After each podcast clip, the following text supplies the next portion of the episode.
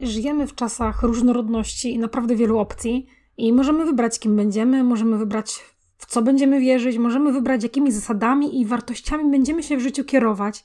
I dzisiaj chcecie zainspirować do wdrożenia do swojego życia niektórych zasad z filozofii stoickiej. Hejka, nazywam się Paulina Maciboch i słuchasz właśnie 101 odcinka podcastu W zgodzie ze sobą. W rozmowach solo oraz z zaproszonymi gośćmi mówię o życiu w zgodzie ze sobą, o działaniu z spokojem, z satysfakcją, a jednocześnie o osiąganiu fajnych rzeczy, które są dla nas ważne. Serdecznie Cię zapraszam do wysłuchania odcinka. Dzisiaj chcę Ci polecić na początek książkę, która jest powiązana z tematem dzisiejszego odcinka, e, bo skoro będziemy sobie mówić o zasadach stoickich, filozofii stoickiej, no to warto polecić książkę właśnie z tym związaną i chcę polecić książkę, która jest, powiedziałabym, takim dobrym wstępem i dobrym, regularnym praktykowaniem czy czerpaniem z filozofii stoickiej. I to jest książka Stoicyzm na każdy dzień roku Ryana Holiday'a. Jasną książką tak naprawdę przez cały rok, aż do w sumie teraz, stawiałam moje pierwsze kroki, jeśli chodzi o stoicyzm, więc e, serdecznie ją polecam przeczytać. Na każdy dzień roku jest konkretny cytat z komentarzem Ryana Holiday'a. Ten komentarz bardzo często pomaga zrozumieć, czy pomaga też przełożyć taki cytat antyczny na takie nasze dzisiejsze realia. Więc serdecznie polecam. Te cytaty są pogrupowane w tematyczne miesiące. Niektóre miesiące są trudne, na przykład grudzień jest miesiącem związanym ze śmiercią, z rozważaniami nad śmiercią, natomiast są też miesiące związane z rozważaniami nad, nad tym, e, jaki mamy wpływ lub nie mamy tego wpływu, albo nad e, proaktywnością, więc e, serdecznie polecam. Naprawdę warto przeczytać i warto taki, taki sobie dobry nawyk wprowadzić, żeby codziennie przez rok taki cytat czytać, rozważać go, zastanawiać się nad nim. Zanim przejdę do e, głównego tematu, no to chciałabym jeszcze Cię prosić o bardzo ważną dla mnie rzecz. Jeśli słuchasz tego podcastu w konkretnej aplikacji podcastowej, Spotify, Apple czy, czy na YouTubie, to będę mega wdzięczna za opinię w formie gwiazdek na Spotify i na Apple, na stronie głównej, e, czy na, na, na takim profilu głównym tego podcastu. Natomiast jeśli jesteś na YouTubie, no to będę mega wdzięczna za danie mi suba i danie łapki w górę pod tym filmem. Co do filozofii stoickiej, co do zasad filozofii stoickiej, to moje pierwsze podejście, tak sobie przypominam, do stoicyzmu miało miejsce parę lat temu. Coś tam słyszałam, e, kojarzyłam w sumie stoicyzm z takim raczej brakiem w ogóle emocji, z taką, z taką obojętnością na to, co nas, e, na to, co nas e, spotyka, z takim trochę byciem właśnie takim emocjonalnym głazem, czyli po prostu bycie takim jak skała obojętnym i nie cieszeniem się z niczego. I moja pierwsza, moja pierwsza chyba lektura stoicka, z którą miałam kontakt, to, była, to były rozmyślania Marka Aureliusza. No, legendarna, można powiedzieć, lektura. Natomiast kilka lat temu ja ją przeczytałam tak trochę bez zrozumienia, trochę po łebkach. Ona jest dość trudną lekturą i nie przyłożyłam się wystarczająco do tego, żeby ją spróbować zrozumieć. No i to spowodowało, że ja się do stoicyzmu trochę zraziłam. Natomiast mniej więcej rok temu, 1 sierpnia dokładnie 2021 roku, zaczęłam czytać codziennie jeden stoicki cytat z książki, o której wspominałam na początku odcinka, czyli Stoicyzm na każdy dzień roku Ryana Holiday'a. I to właściwie było moje takie już wniknięcie głębsze w stoicyzm. No za pomocą tak naprawdę małych kroków, tak? Bo to był jeden cytat dziennie. No i ta przygoda z tą książką trwała rok, bo zakończyłam ją 31 e, lipca tego roku, czyli 2022. I po drodze wydarzyło się też sporo rzeczy związanych ze stoicyzmem, bo po pierwsze, to w kwietniu przeprowadziłam wywiad z, ze współczesnym praktykującym stoikiem, czyli z doktorem Tomaszem Mazurem. To jest 86 odcinek, jeśli chcecie sobie później go przesłuchać. I ten odcinek bardzo mi otworzył oczy na stoicyzm, bo porozmawialiśmy właśnie o tym, czym stoicyzm jest, y, dlaczego jest też źle rozumiany, czym on w ogóle nie jest. No i ten odcinek zainspirował mnie do poszukania innych źródeł stoickich, z których, y, z których mogę korzystać. I tym samym w czerwcu tego roku zaczęłam też e, sześciomiesięczny kurs stoicki, nazywa się Stoic Way. Zresztą to jest kurs stworzony przez wspomnianego doktora Tomasza Mazura. On jest bezpłatny, ten kurs, więc naprawdę warto przetestować i warto e, się zainspirować i z takich zasad skorzystać. Natomiast chciałabym coś powiedzieć bardzo, bardzo ważnego. Ja nie jestem stoikiem w sumie nawet nie wiem, jaki byłby feminatyw od stoika, stoiczką, nie jestem stoiczką. Ja nie jestem stoiczką, nie wyznaję filozofii stoickiej w 100%, nie żyję w 100% w zgodzie z nią. Ja tak mam, że w swoim życiu po prostu żyję w oparciu o pewne wartości, pewne zasady i do swojego życia lubię takie zasady czerpać z różnych stron, z różnych stron, z różnych nurtów, z różnych nurtów, czy to filozoficznych, czy to z, na przykład z religii. Natomiast e, ja po prostu nie, nie uważam, żeby podejście takie 100% albo nic było dobre. Moim zdaniem dobre życie właśnie polega na tym, żeby z różnych kierunków, z różnych, z różnych źródeł, z różnych nurtów, systemów brać to, co na danym etapie życia nam pasuje. Dlatego ja nie mam się za stoiczkę, y, nie umiałabym na przykład żyć w takim pełnym stoicyzmie, na przykład w pohamowaniu bardzo intensywnych emocji, na przykład pozytywnych, bo jestem bardzo taka impulsywna i, i głośna, można powiedzieć. Dlatego no, nie umiałabym tak żyć, zresztą nawet nie chcę tak żyć. E, dlatego zachęcam Cię serdecznie w tym miejscu do podobnego podejścia, to znaczy, żeby nie praktykować podejścia 100% albo nic, albo takiego podejścia biało-czarnego, czyli że albo jestem na prawo, albo jestem na lewo, że albo jestem 100% po prostu zanurzenie do stoicyzmu na maksa, albo w ogóle, bo moim zdaniem takie podejście zrównoważone, zbalansowane i zaczerpnięcie pewnych zasad do siebie E, do swojego życia, przetestowanie ich pomoże ci zachować w tym wszystkim siebie, e, to jaką jesteś osobą, pomoże ci też te zasady dopasować do twojej obecnej sytuacji, do etapu życia, na którym jesteś. Oraz to pomoże też e, poradzić sobie z taką myślą, którą możesz mieć w swojej własnej głowie, ale też taką myślą, którą może, która może przyjść do ciebie od innych, ja też się z tym spotkałam całkiem niedawno, czyli takie, takie pytanie, ach, co z ciebie za, za stoik, co, co z ciebie za wyznawczyni filozofii stoickiej, jak na Instastory, nie wiem, pokazujesz, że się jarasz tym, że twój podcast jest na którymś miejscu. Bardzo się często spotykam z takim zarzutem, ale nie bardzo się tym przyjmuję. O tym też będzie później, dlaczego się nie przyjmuję. Po prostu ja z, ze stoicyzmu biorę pewne zasady, które mi pasują, które y, na dany etap życia są dla mnie dobre, które sprawiają, że moje życie jest lepsze i sobie je praktykuję, y, a inne y, niekoniecznie. I tyle. I zachęcam Cię do podobnego podejścia, żeby nie wchodzić w to po prostu po same uszy albo na 100%, tylko żeby może wejść na 12% na początku albo na 10% i sprawdzać, co, co Ci pasuje. Więc bierz z tych zasad, o których dzisiaj powiem, coś dla siebie, przetestuj, zobacz, jak one działają. E, no, zrób to małymi krokami. Ja się staram praktykować te zasady, o których dzisiaj opowiem. Ich będzie pięć, pięć taka okrągła liczba, pięć zasad stoi, stoickich, które warto praktykować. Czasem mi praktykowanie tych zasad wychodzi, czasem nie wychodzi, natomiast ja też uważam, że one mm, bardzo przystają do naszych czasów i mogą w tych naszych czasach, takich powiedziałabym dynamicznie się zmieniających, dać dużo z takiej stabilności, poczucia stabilności, e, równowagi psychicznej, odporności psychicznej, takiego spokoju w głowie, w sercu, ale też jasności w działaniu. I to są bardzo cenne stany, każdy z tych stanów jest cenny, zwłaszcza w, no, w dzisiejszych czasach, kiedy jesteśmy no, po pierwsze przebodźcowani, po drugie mamy do wyboru miliony opcji za każdym razem, nawet wybierając, nie wiem, takie takie pierdoły jak śniadanie czy koszulka, którą mamy ubrać, a tak naprawdę codziennie docierają do nas różne bodźce, które po prostu nas stresują. Dlatego poczucie spokoju jest bardzo cenne. Także lecimy już z tymi pięcioma zasadami, które warto praktykować. Pierwszą zasadą jest podział na zależne i niezależne. I nie skłamię, jeśli powiem, że ta zasada zmieniła moje życie, bo ja kiedyś byłam ogromnym narzekaczem, bardzo często narzekałam, Rozpamiętywałam przeszłość bardzo długo, analizowałam to, co się wydarzyło, rozgrzebywałam jakieś przykre wydarzenia, rozgrzebywałam, rozpamiętywałam moje błędy. Yy, zamiast wyciągać z nich lekcje, to ja się ich po prostu czepiałam tak rozpaczliwie, emocjonalnie, a one po prostu mnie wyczerpywały, tak? Wyczerpywały, drenowały mnie z energii.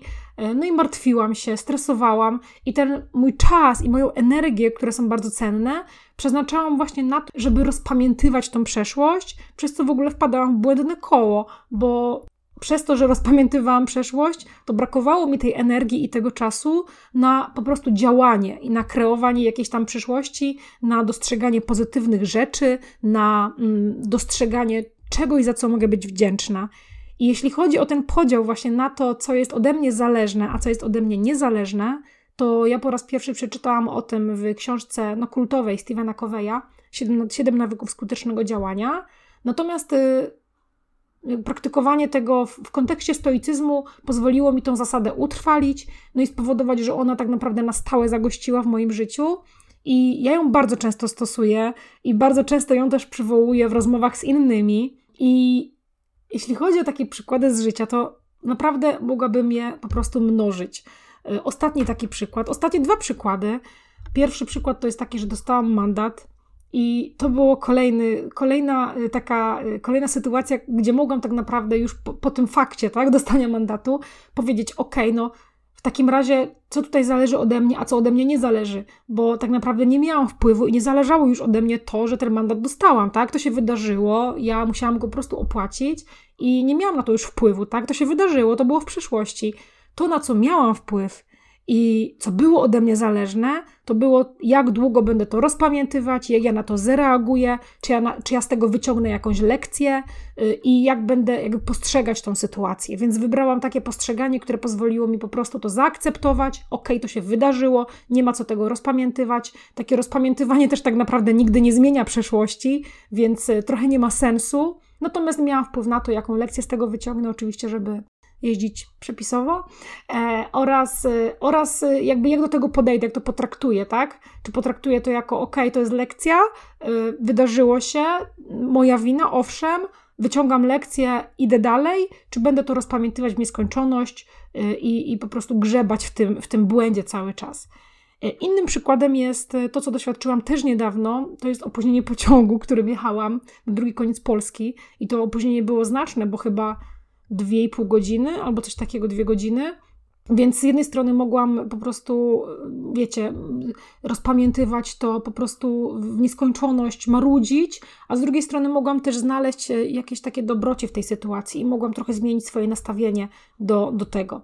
E, no i tak zrobiłam. Na początku trochę byłam wkurzona, natomiast później pomyślałam, że w sumie to, to nie mam na to wpływu, tak? To się wydarzyło, ja już nie mam na to wpływu. Nic, co zrobię, nie spowoduje, że ten pociąg ruszy szybciej, albo że to opóźnienie się jakoś magicznie odwróci. Więc to, co mogę zrobić, to po prostu wykorzystać ten czas dobrze, pouczyć się, poczytać coś e, i po prostu wyciągnąć z tego coś dobrego. I takie znajdowanie w, w, w tym, co nas spotyka, tych elementów, na które ja mam wpływ i na które nie mam wpływu, powoduje, że rośnie nam poczucie sprawczości, bo jeśli my skupiamy swoją uwagę na czymś, na co mamy wpływ, no to przede wszystkim to zauważamy, a rzeczy, które my zauważamy, wydają się nam po prostu ważne. I to może zadziałać nie tylko w temacie jakichś zachowań, na przykład to, że jest opóźnienie pociągu i wiem, wykorzystanie czasu lepsze, ale to może też zadziałać nawet w kontekście reakcji, czy, e, czy po prostu jakichś myśli, które się pojawiają w naszej głowie. E, a dzięki temu, że, że my na przykład wiemy, na co nie mamy wpływu, no to mniej się martwimy tym, no bo zdajemy sobie sprawę, że nic nie zdziałamy, więc mniej się tym martwimy, mniej się zadręczamy, no i przez to też rośnie nasza pewność siebie, e, bo, bo, tą, bo tą uwagę przekierowujemy z tego, czego my nie możemy zrobić, my ją przekierowujemy na to, co możemy zrobić, to na co mamy wpływ. I zawsze coś takiego można znaleźć, nawet jedną drobną rzecz. Dlatego ta pewność siebie rośnie, to poczucie sprawczości rośnie. I Kwestia właśnie tego, na co mam wpływ, na co nie mam wpływu, była też poruszana w takiej książce Wiktora Frankla, Człowiek w poszukiwaniu sensu. Pewnie część z Was ją kojarzy, wspominałam już o niej nieraz w odcinkach podcastu. To jest książka napisana przez psychoterapeutę, który doświadczył y, przebywania w obozie koncentracyjnym. I on właśnie rozgraniczał tam to, na co ma wpływ, od tego, na co wpływu nie ma, bo nie miał wpływu na to, że on w tym obozie się znajduje i kiedy z niego wyjdzie, ale miał wpływ na to, co on myśli, jak on postrzega to doświadczenie, co jest w jego głowie, jakie, jakimi emocjami on reaguje. I to jest bardzo skrajny przykład, ale on tylko pokazuje bardzo obrazowo, że z każdej trudnej sytuacji można wyjść zwycięsko właśnie w ten sposób, po prostu dzieląc to, na co my mamy wpływ, od tego, na, na co my wpływu nie mamy i jakie my możemy y, dobroci z danej sytuacji wyciągnąć, jak możemy dane doświadczenie postrzegać.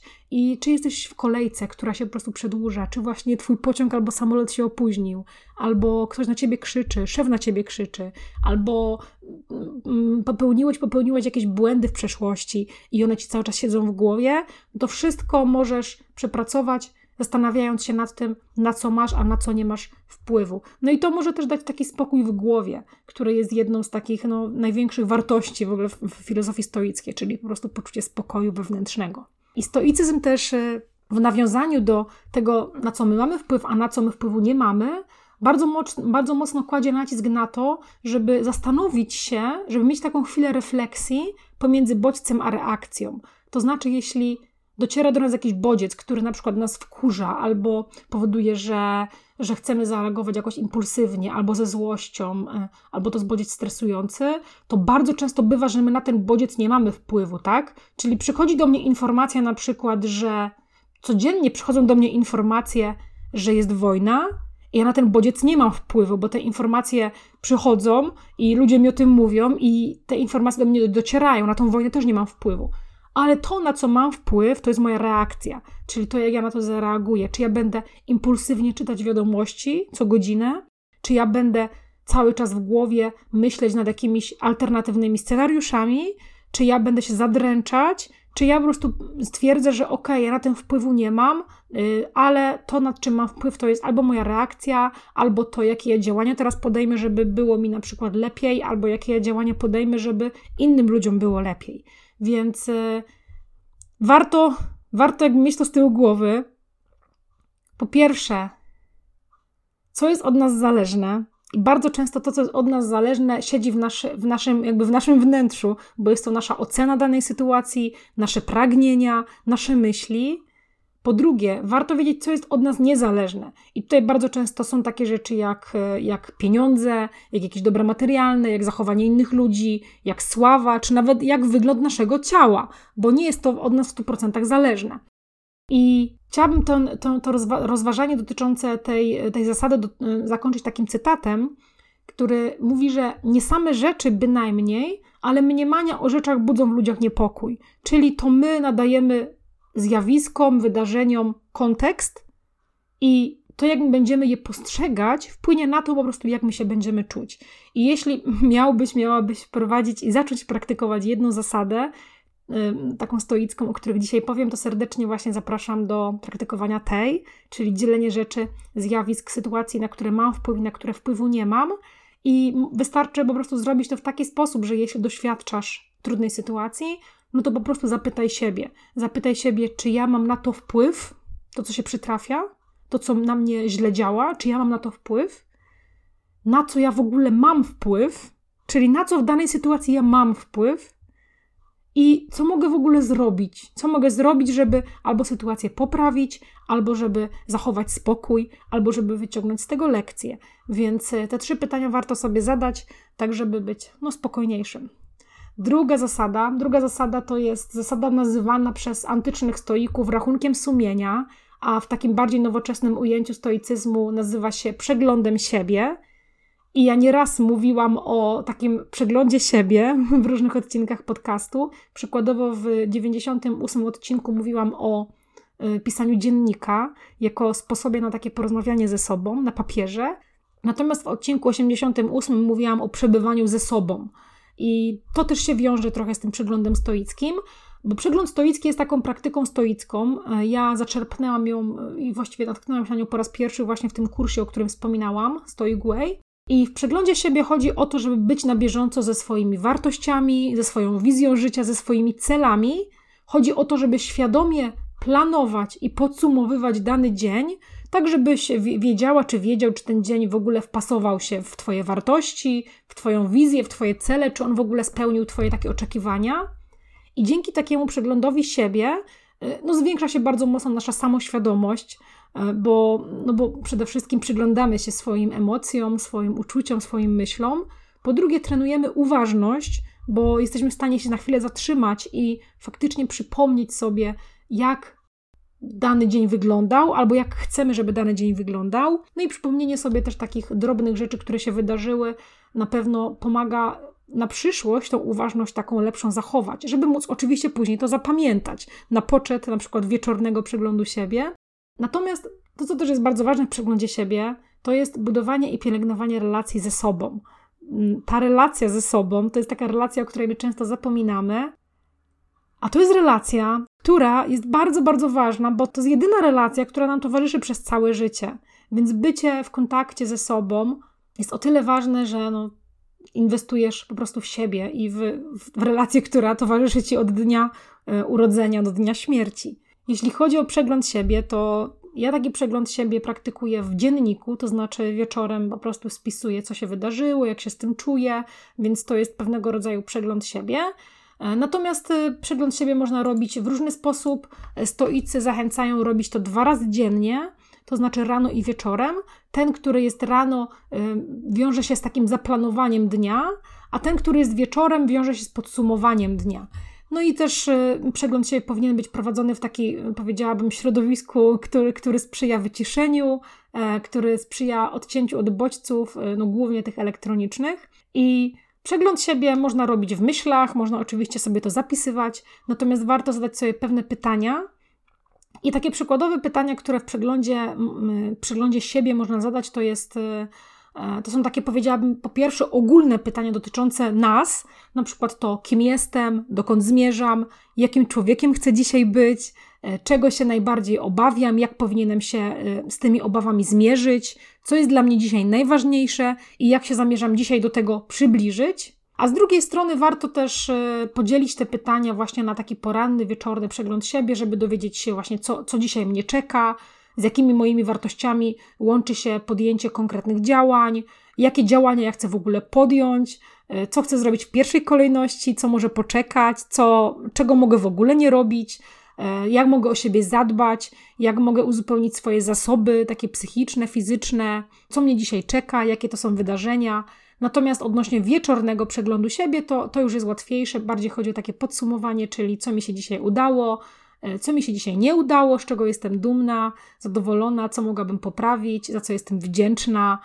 Więc takie pytania fajnie pozwalają być w kontakcie ze sobą regularnie i y, naprawdę pogłębiać tą samoświadomość. Także jedna z moich też ulubionych technik, ja praktykuję w formie dziennika, natomiast można praktykować nawet leżąc w łóżku i po prostu sięgając do swojej pamięci i odpowiadając sobie w głowie na pytania.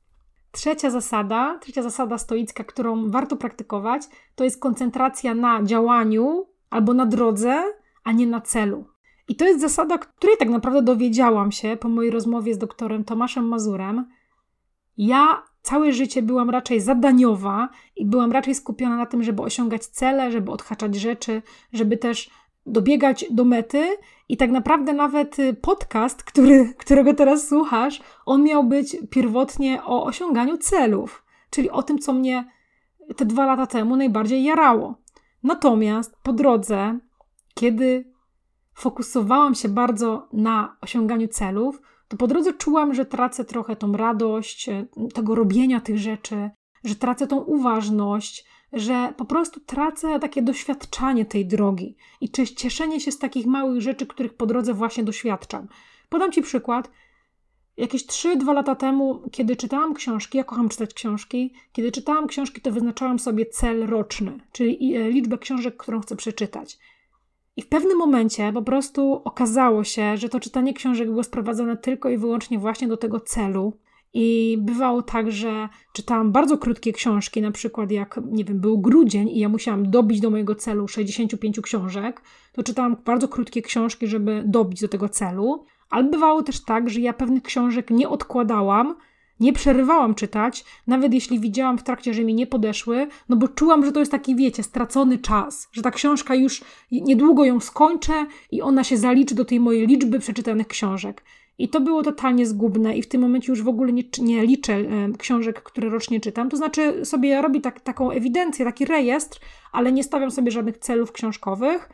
Dlatego właśnie, żeby nie fokusować się na tej liczbie, tylko na tym, żeby doświadczać każdej jednej książki z radością, z przyjemnością, wyciągać z niej coś dobrego, wyciągać z niej lekcje. I, no i to jest dla mnie najważniejsze w tym momencie. I to skupienie na drodze, a nie na celu, pojawiło się też w innym odcinku podcastu, bo kiedy rozmawiałam z Miłoszem Brzezińskim e, w odcinku numer 69, to jest odcinek najpopularniejszy do tej pory, a potem właśnie w rozmowie z doktorem Tomaszem Mazurem, to tam również rozmawialiśmy właśnie o skupieniu na drodze, o robieniu czegoś, co lubimy, co jest dla nas przyjemne, co daje nam szczęście, a nie tylko takie ślepe skupienie na celu. I tutaj warto powiedzieć, że czasem właśnie bywa tak, że jesteśmy jak taki koń z klapkami na oczach, że mamy te klapki na oczach, które pozwalają nam widzieć metę, które pozwalają nam dążyć do przodu, biegnąć, lecieć do celu, ale tak naprawdę te, kla te klapki na oczach sprawiają, że my w ogóle nie widzimy tego, co jest po bokach, tak? Tak jak koń, który ma klepki na oczach, żeby, y, żeby jechać przed siebie, ale nie widzi zupełnie tego, co mija. I ja tak miałam, widziałam tą metę, byłam jak ten koń z tymi klapkami, a zupełnie nie dostrzegałam tego, co działo się po boku, a mijałam piękne krajobrazy, piękne chwile, jakieś miłe momenty i po prostu to umykało w ogóle mojej głowie, mojej uważności. Więc e, zmieniłam trochę to, zdjęłam te klapki z oczu. Cele są wciąż dla mnie ważne, natomiast ważniejsza jest dla mnie droga e, i to też pomaga mi bardzo mocno budować e, uważność, która też daje mi duże poczucie szczęścia. Natomiast jak w ogóle zacząć rozkoszować się drogą, a nie celem? Więc chciałabym Cię zainspirować do tego, że kiedy masz taki dzień, na przykład, że bardzo pędzisz, że po prostu latasz jak kot z pęcherzem od zadania do zadania, nie wiesz w ogóle w co ręce włożyć, nie masz czasu złapać oddechu, to jest właśnie ten dzień, kiedy potrzebujesz zacząć rozkoszować się drogą, a nie celem, kiedy potrzebujesz złapać oddech, więc po prostu Postaraj się w ciągu tego dnia uważnie wykonywać różne czynności, bez rozpraszaczy. Na przykład, jeśli prowadzisz samochód, to się w pełni zaangażuj w prowadzenie tego samochodu. Nie słuchaj w tym czasie audiobooków, podcastów, nie nadrabia jakichś rozmów telefonicznych. Po prostu skup się na tym doświadczeniu.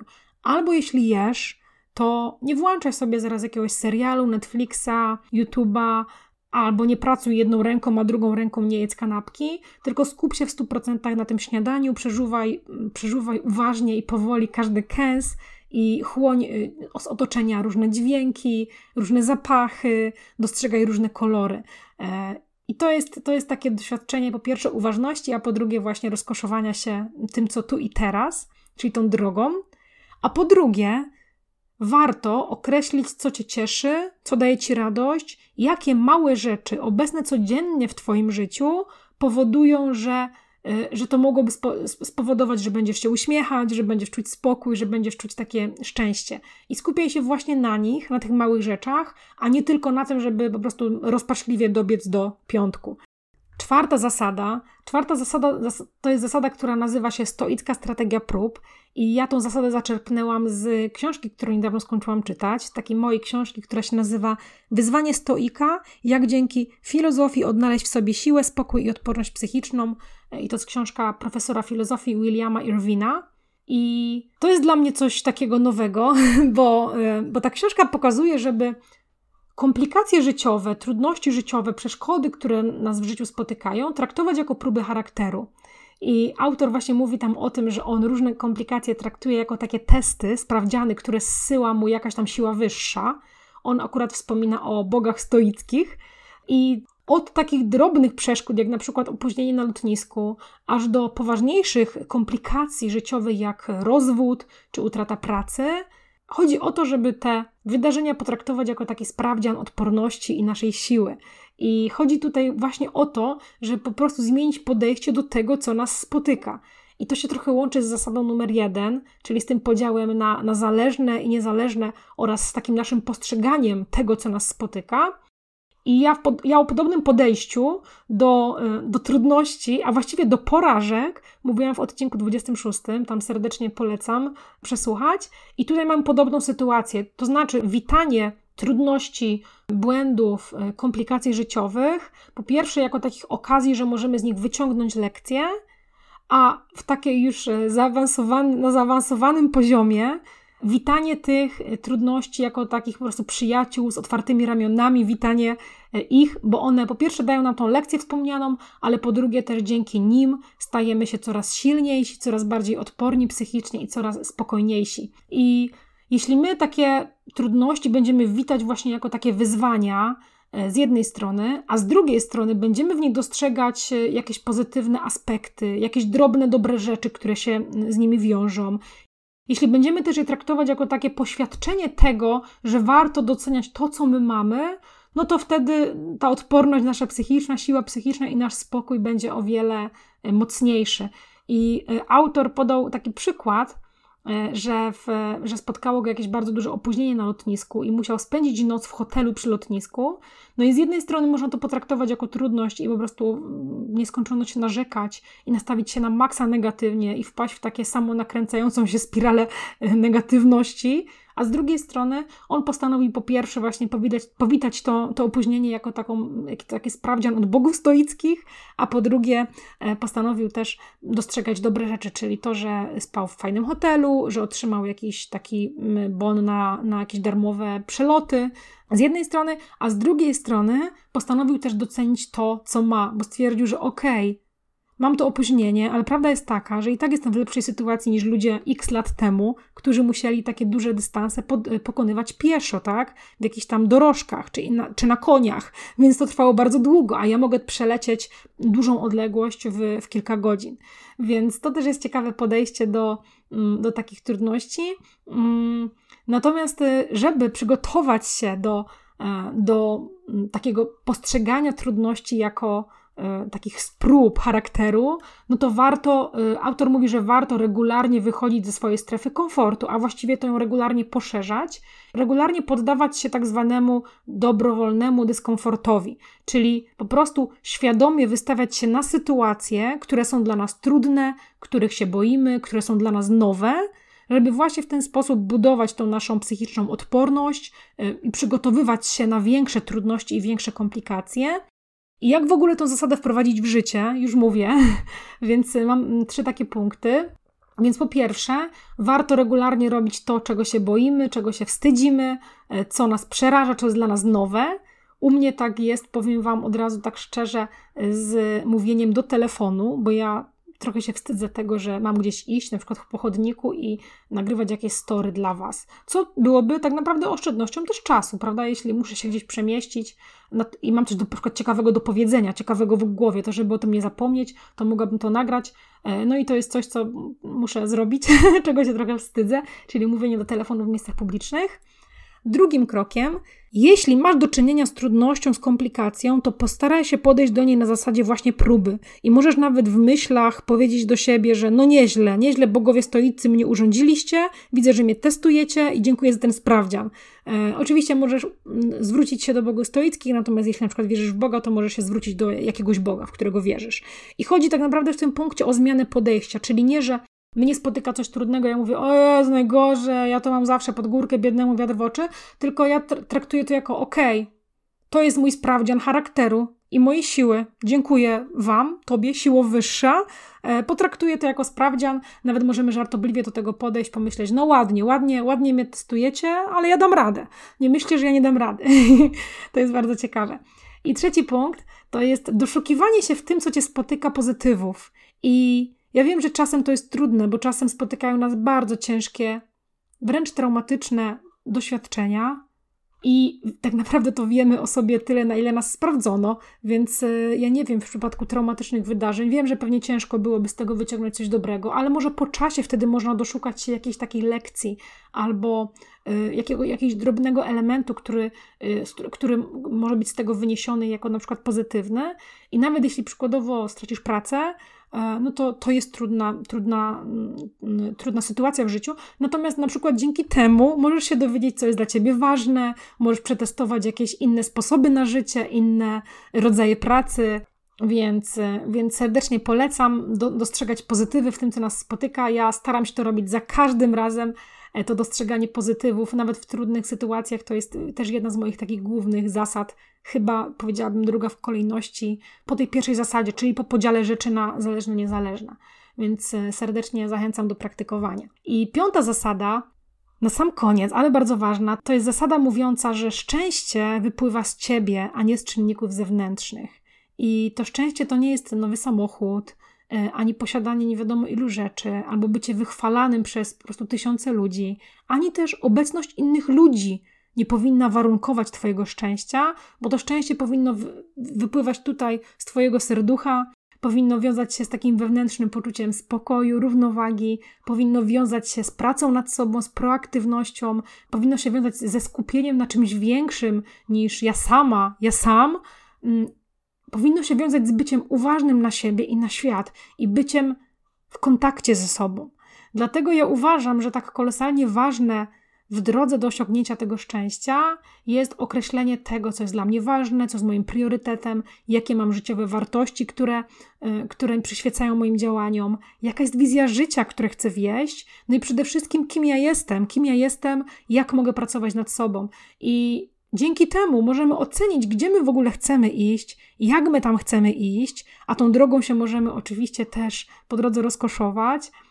Możemy też określić, jakie wartości i zasady będą naszym decyzjom przyświecać oraz jak możemy nad sobą pracować, żeby te takie omówione dzisiaj e, zasady stoickie były w ogóle możliwe do, do realizacji. I jeśli my uznamy, że to szczęście jest w nas, wewnątrz, a nie na zewnątrz, no to wtedy o wiele łatwiej jest wracać na przykład do równowagi po trudnościach, które nas spotykają, na przykład y, po jakimś trudnym rozstaniu.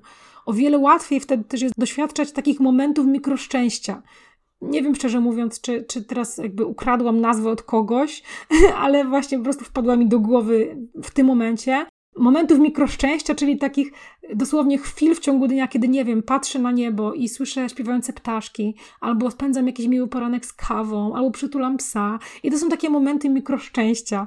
Więc jeśli my y, wiemy, co jest dla nas ważne, co chcemy robić, kim jesteśmy, co sprawia nam też frajdę, no to wtedy te momenty mikroszczęścia się namnażają tak naprawdę. I to my sami jesteśmy źródłem naszego szczęścia i to, jak my postrzegamy świat, jak my postrzegamy to, co nas spotyka, jak my reagujemy na to, co nas spotyka, też jest źródłem naszego szczęścia. I ja, ja Cię właśnie na sam koniec do tego zachęcam, do szukania szczęścia w sobie, na przykład poprzez określenie Twoich życiowych wartości, sformułowanie wizji życia, takie lepsze poznanie siebie, a później taką świadomą, zaplanowaną e, pracę nad sobą, nad swoim nastawieniem, nad swoim podejściem, e, które no, wiąże się z tymi wszystkimi zasadami, które dzisiaj e, omówiłam. I zachęcam Cię do tego, żebyś przetestowała, przetestował te zasady u siebie. Powiem Ci, że one kolosalnie wpłynęły na stan mojego spokoju, na moją taką odporność psychiczną, ale głównie na moje poczucie równowagi i wracanie do tej równowagi po trudnych lub stresujących momentach, bo oczywiście one mnie spotykają jak, jak każdą inną osobę. I zachęcam Cię do tego, żebyś wzięła, żebyś wziął jedną zasadę, o której dzisiaj powiedziałam, przetestował i dał mi znać, dała mi znać, jak ona się sprawdziła u ciebie. Jeśli ta zasada u ciebie zaskoczy, albo może jeśli już praktykujesz którąś z tych wspomnianych zasad, to daj mi koniecznie znać albo gdzieś na priv, albo y, po prostu wrzuć y, informację o tym na swoje media społecznościowe. Jeśli mnie oznaczysz y, paulina.maciboch, to ja na pewno zobaczę to oznaczenie i będę mogła zobaczyć, że pracujesz nad sobą i że te zasady są obecne w Twoim życiu. Natomiast jeśli chcesz zacząć budować szczęście w ogóle w sobie, e, to serdecznie y, zachęcam Cię do tego, żebyś zapisała albo zapisał się na listę osób zainteresowanych warsztatami właśnie z budowania życiowych wartości, z budowania wizji życia i z mm, poznawania siebie. Takie warsztaty odbędą się, e, planuję zrobić je we wrześniu. I dzięki tym warsztatom będziesz w stanie zbudować taki tak naprawdę wewnętrzny kompas i drogowskaz, który będzie ci pomagał podejmować decyzje, który będzie ci pomagał wybierać kierunek, w którym chcesz iść, który będzie ci też pomagał budować swoją asertywność, stawiać lepsze granice, mówić nie pewnym rzeczom albo pewnym ludziom, ale który także pomoże Ci zdefiniować Twoje priorytety, no i mm, określić, gdzie chcesz, a gdzie nie chcesz poświęcać swojego czasu i swojej uwagi, no i swojej energii. Także zapisz się na listę zainteresowanych, to Cię do niczego nie zobowiązuje totalnie, ale takie warsztaty online niedługo się odbędą, a do tych osób zainteresowanych będę wysyłała kolejne, kolejne informacje. Bardzo Ci dziękuję dzisiaj za wysłuchanie tego odcinka i do usłyszenia za tydzień.